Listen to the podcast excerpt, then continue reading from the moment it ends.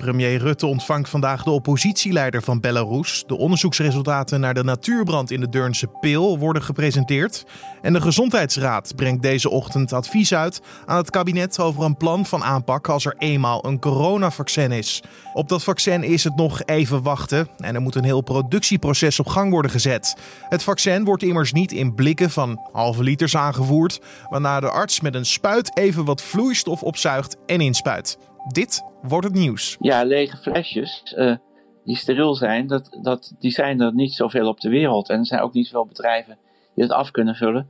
Dus dat is allemaal niet zo triviaal, maar je kunt je daarop voorbereiden. Steriele flesjes, spuiten, maar ook locaties zijn natuurlijk nodig. En dan de vraag: welke bevolkingsgroep komt als eerste aan bod? We bespreken het allemaal met Ben van der Zijst, voormalig wetenschappelijk directeur van het Nederlands Vaccininstituut en emeritus hoogleraar vaccinatie aan het LUMC. Dat hoor je allemaal straks dus, maar eerst kijken we kort naar het belangrijkste nieuws van nu. En mijn naam is Carne van der Brink en het is vandaag donderdag 19 november. Nederland heeft via Giro 555 ruim 15 miljoen euro ingezameld voor de slachtoffers van de zware explosie in de haven van Beirut. De inzamelingsactie is enkele weken geleden beëindigd, maar het totaalbedrag is pas vandaag bekendgemaakt. Bij de explosie van 4 augustus vielen zeker 180 doden en 6500 gewonden. Ook werden meer dan 300.000 inwoners van de Libanese hoofdstad tijdelijk dakloos, onder wie zo'n 100.000 kinderen. Dankzij de donaties kunnen huizen worden hersteld en ook komt er steeds meer ruimte vrij voor het bieden van psychologische en economische hulp. In de Brabantse plaatsen Oosterwijk, Vught en Bokstol hebben de lokale partijen grote winsten behaald bij de gemeenteraadsverkiezingen. Ook in de nieuwe Groningse gemeente Eems-Delta haalde een lokale partij de grote winst. Rond middernacht werden de uitslagen bekendgemaakt en de gemeentes hadden woensdag lokale verkiezingen vanwege een gemeentelijke herindeling. Daarnaast waren dit de eerste Nederlandse verkiezingen die verliepen in coronatijd. Daarom waren er een reeks aan voorzorgsmaatregelen genomen. Een Australische speciaal aanklager heeft bewijzen gevonden dat elitetroepen van het land 39 mensen ongeoorloofd hebben gedood in Afghanistan. Dit blijkt uit een eigen onderzoek van de krijgsmacht naar vermeende oorlogsmisdaden die Australische militairen in het land zouden hebben gepleegd. To the people of Afghanistan, on behalf of the Australian Defence Force, I sincerely and unreservedly apologize for any wrongdoing by Australian soldiers. Je hoorde hier de Australische generaal John Angus Campbell zijn excuses maken. Binnenkort zal een speciale aanklager aangesteld worden om te bepalen of er genoeg bewijs is om militairen te vervolgen. Het Nederlandse elftal is er woensdagavond niet in geslaagd de finale ronde van de Nations League te bereiken. Oranje was in het laatste groepsduel met 1-2 te sterk voor Polen, maar concurrent Italië won ook. De zege had Nederland alleen een plek opgeleverd in de finale ronde volgend jaar, als de Italianen puntenverlies hadden geleden tegen Bosnië-Herzegovina. Het duel met Polen was de laatste interland van Oranje dit jaar. De ploeg van bondscoach Frank de Boer komt in maart pas weer in actie. En dat zijn de laatste wedstrijden voordat de voorbereiding op het EK begint. De laatste weken horen we steeds vaker positief nieuws over een mogelijk coronavaccin. We zijn er nog niet, maar het middel waar de hele wereld op wacht komt steeds dichterbij. De hele keten draait inmiddels ook om ervoor te zorgen dat als het vaccin eenmaal goedgekeurd is, dat deze ook vervoerd en toegediend kan worden. Op dat moment moeten landen natuurlijk al een plan hebben over wie wanneer gevaccineerd kan worden. Straks om 11 uur dient de Gezondheidsraad daarom een voorlopig advies in bij het kabinet. Collega Julien Dom belde gisteren alvast met Ben van der Zijst, voormalig wetenschappelijk directeur van het Nederlands Vaccin Instituut en emeritus hoogleraar vaccinatie aan het LUMC. En hij vroeg of hij al iets van de inhoud van het advies had gehoord. Ik heb uh, iets gehoord op, op de media over de doelgroepen. En dat, die zijn gebaseerd enerzijds, tenminste dat zou ik zelf ook logisch vinden, op het risico wat mensen lopen om ziek te worden. Want als je terugkijkt naar de afgelopen periode, zijn we vooral beducht geweest dat de zorg overbelast werd, dat de ziekenhuizen vol lagen en de intensive care units. En dat kun je dus het beste voorkomen door de mensen te vaccineren die het grootste risico lopen om daar terecht te komen. En dat zijn dan de kwetsbaren van de samenleving? Dat zijn de meest kwetsbaren van de samenleving, ja. Wij, zijn wij lopen niet voorop met dat advies in Nederland. Dus in Engeland zijn er al twee adviezen geweest. En daar zie je eigenlijk op dat punt uh, hetzelfde. Die hebben zelfs een, een, lijstje gemaakt dat ze eerst bij de tachtigers beginnen en zo langzamerhand uh, naar de, de jongere leeftijden. Want waar we natuurlijk ook mee te maken hebben, is dat niet uh, direct genoeg vaccin uh, voorradig is om iedereen te vaccineren. Nee, precies. Dat komt gaandeweg meer en meer beschikbaar. Maar ja, we moeten het doen met de eerste aantallen die natuurlijk binnenkomen. En dan is dus de keuze wie kies je. En dat zouden dus de kwetsbaren zijn uh, volgens de eerste lekken. Nou, nou dat, dat is dus één groep. Hè? Dus er is nog een tweede groep. Uh, dat zijn dan de, de mensen die het meeste risico lopen om het op te lopen in hun beroep. En wie zijn dat? Nou, dat zijn natuurlijk allereerst de zorgmedewerkers. Maar je kan ook denken aan politie en BOA's die uh, orde moeten handhaven en soms mensen tegenkomen die besmet zijn. Zou hierbij nog een rol voor de EU weggelegd zijn, zodat alle lidstaten bijvoorbeeld dezelfde groep als eerst vaccineren? Of is dat misschien juist onwenselijk? Nou, dat zou wel goed zijn, maar de, de realiteit wijst uit dat dat nooit gebeurt. Um, en uh, het is ook een bevoegdheid van de landen zelf. Uh, dat, dat is het dat is een probleem wat we nu, wat we al eerder kenden, maar nu weer ontdekken. Uh, in het Europese verdrag wordt de gezondheidszorg uitgezonderd als een, een bevoegdheid van de Unie. En, maar dit wordt aan de landen zelf overgelaten. En dat heeft wel tot gevolg dat er dus verwarrende, soms verwarrende tegenstellingen tussen landen zitten. Want uiteindelijk zou het wel beter geweest zijn, denkt u, met uw expertise, als alle landen dezelfde wijze van uitvoering zouden hebben? Ja, nou, die discussie zal ongetwijfeld weer op gang komen. Na afloop, als het allemaal voorbij is, zal ik maar zeggen. Maar ja, goed, op dit moment uh, is dat niet reëel.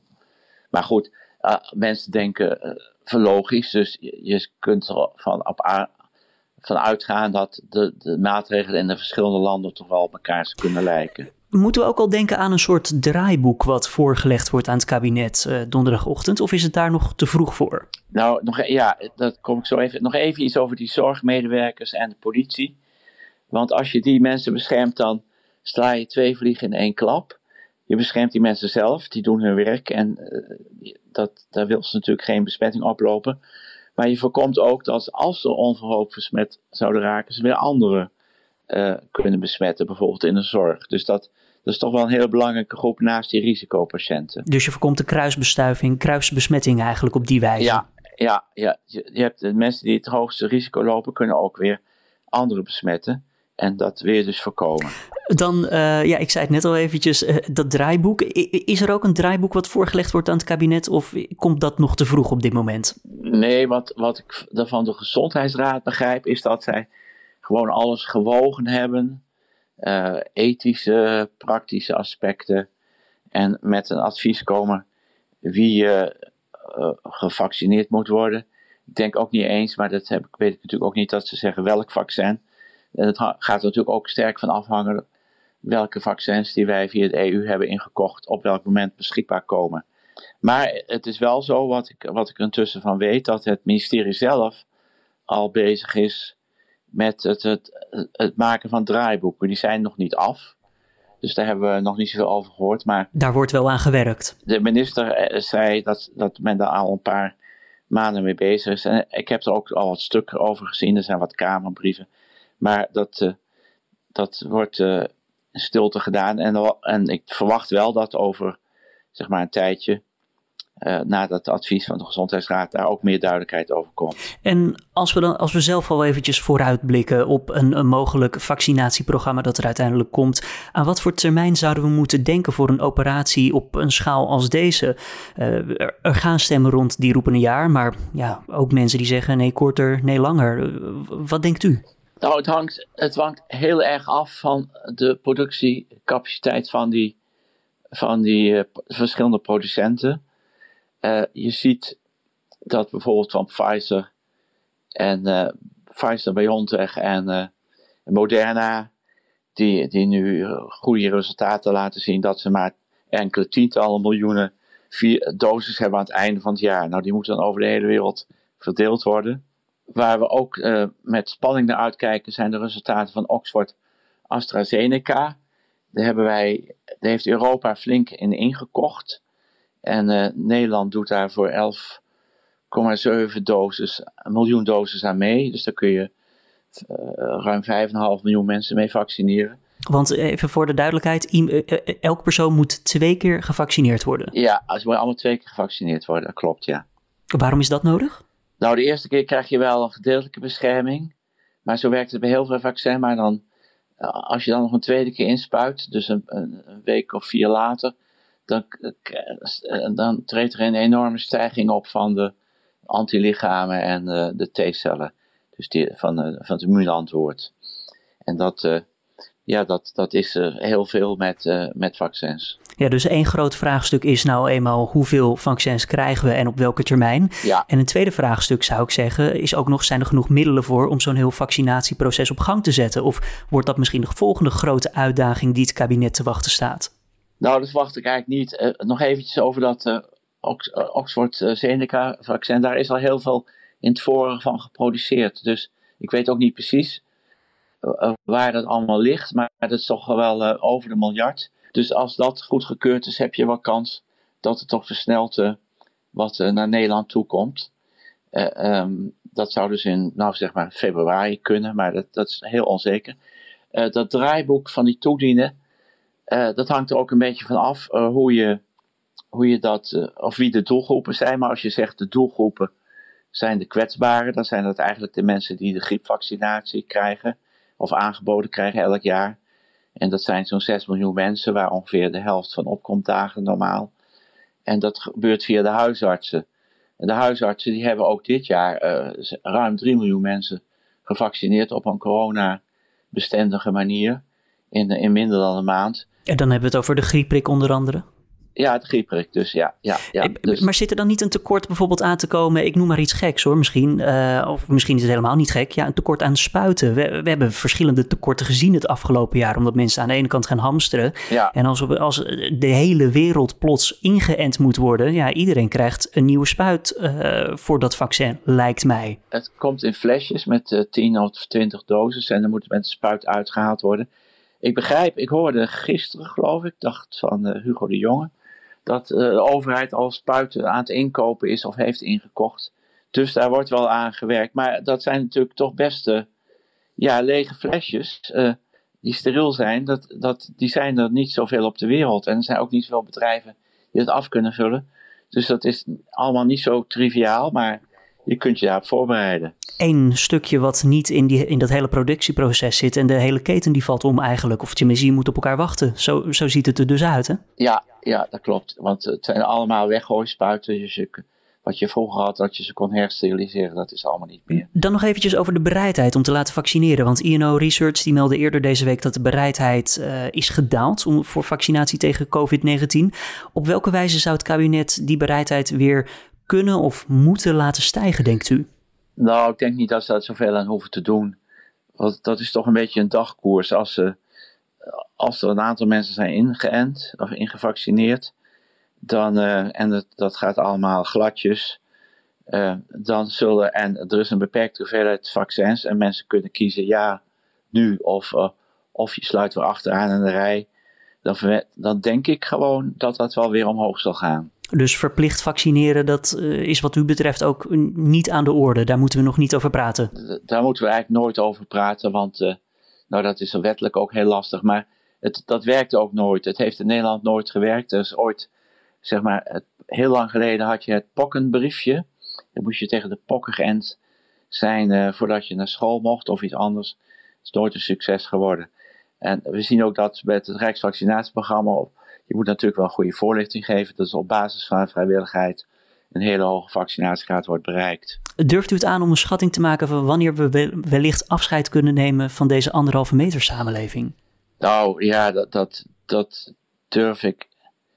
ik ken de voorraden van die vaccins niet. Kijk, ik geloof dat er nu een schatting is dat die risicogroepen zo'n 5,5 miljoen zijn. En nou, dan zou je met het uh, Oxford AstraZeneca vaccin zou je die allemaal kunnen vaccineren. Stel dat dat in februari beschikbaar komt, dan, uh, ben dan moet je twee keer vaccineren. Dan zit je dus half april je af. Maar dat is wel de meest optimistische schatting. Maar als, dan heb je nog niet de hele Nederlandse bevolking gevaccineerd. Maar ja, dus als je naar de jongeren kijkt, die, die hebben, dat is maar een heel klein percentage van wat daar echt uh, ernstige klachten en, aan overhoudt van, aan die ziekte. Maar betekent dat dan ook, als ik u goed begrijp, dat uh, op het moment dat de kwetsbaren en de mensen die kans maken op het oplopen van het virus gevaccineerd zijn, dat de rest die nog niet gevaccineerd is, wellicht alvast naar buiten zou kunnen? Of moeten we wachten tot iedereen zo'n vaccin Nee, dan, dan, kun je de teugels laten vieren. Je, je moet dat natuurlijk niet in één keer allemaal doen, maar dan kun je de teugels laten vieren. En ik verwacht zelf dan geen rampzalige gevolgen daarvan. Maar ja, het is natuurlijk eventjes, even wel kijken hè, wat, er, wat er gebeurt. Dat moet dan ook stapsgewijs gebeuren. Ben van der Zijst, voormalig wetenschappelijk directeur van het Nederlands Vaccin Instituut en emeritus hoogleraar vaccinatie aan het LUMC, hoorde je in gesprek met mijn collega Julien Dom. En dan vertel ik je nog even wat er verder te gebeuren staat vandaag. Premier Rutte ontvangt vandaag de oppositieleider van Belarus, Svetlana Tiganovskaya. Ze zullen spreken over de voortslepende politieke crisis in Belarus en over de inzet van Nederland en de EU hierbij. Het bezoek van Tiganovskaya is onderdeel van een serie bezoeken aan verschillende Europese landen. Morgen spreekt ze ook nog met minister Stef Blok. Vandaag worden de resultaten gepresenteerd van de onderzoeken naar de natuurbrand in de Deurnse Peel. De brand van dit voorjaar had een grote impact. Ruim 700 hectare natuurgebied is verbrand. Woningen moesten worden ontruimd en bewoners en ondernemers hadden wekenlang last van de rook. En de strip Jan Jansen en de kinderen in de Libelle bestaat vandaag 50 jaar. Omdat de vierde staat Libelle 50 in het teken van de oudste stripfamilie en onder leiding van gasthoofdredacteur De Rode Kater. Ook is er een tentoonstelling over de familie ingericht in het Museum van de 20e eeuw in Hoorn. Deze wordt vrijdag geopend en loopt tot en met 20 juni 2021. Dan het weerbericht van Weerplaza. Even kijken of het weer zo'n fijne herfstdag gaat worden zoals gisteren. We vragen het aan Wilfried Jansen. Vanochtend hebben we ruimte voor de zon, maar er zijn ook een aantal stapelwolken aanwezig. In de loop van de dag vermeerdert het aantal stapelwolken en uiteindelijk vallen verspreid over het land ook een aantal buien. En die buien kunnen soms best pittig zijn met kans op onweer en zeker in de kustprovincies ook zware windstoten. De temperatuur die komt uit op een graad of 11 vandaag. En in de loop van de dag steekt een stevige noordwestenwind op. Uh, langs de kust kan de wind zelfs een korte tijd stormachtig zijn. Windkracht 8 en ook dan zijn zware windstoten mogelijk. Vanavond dan klaart het vanuit het noordwesten breed op. Dan neemt ook de wind in kracht af. En dan gaat de temperatuur snel naar beneden. Dankjewel Wilfried Jansen van Weerplaza. En tot zover de Dit wordt het nieuws podcast voor deze donderdag 19 november. De podcast vind je in de ochtend en middag op de voorpagina van nu.nl en in je favoriete podcast app zoals een Spotify of Apple Podcast. En mocht je de podcast beluisteren via Apple Podcast, vergeet dan niet ook gelijk een recensie achter te laten. Zet erin uh, wat je vindt van deze podcast en uh, of je een paar sterren achter wil laten voor ons. Zo help je ons namelijk beter te vinden voor anderen. Dus doe dat vooral. Je zou ons heel daarmee maken. Heb je ook nog vragen, feedback of suggesties? Stuur die dan door naar podcast.nu.nl. Dat is ons mailadres podcast.nu.nl. Mijn naam is Carne van der Brink. Bedankt voor het luisteren en ik wens je een hele mooie dag vandaag.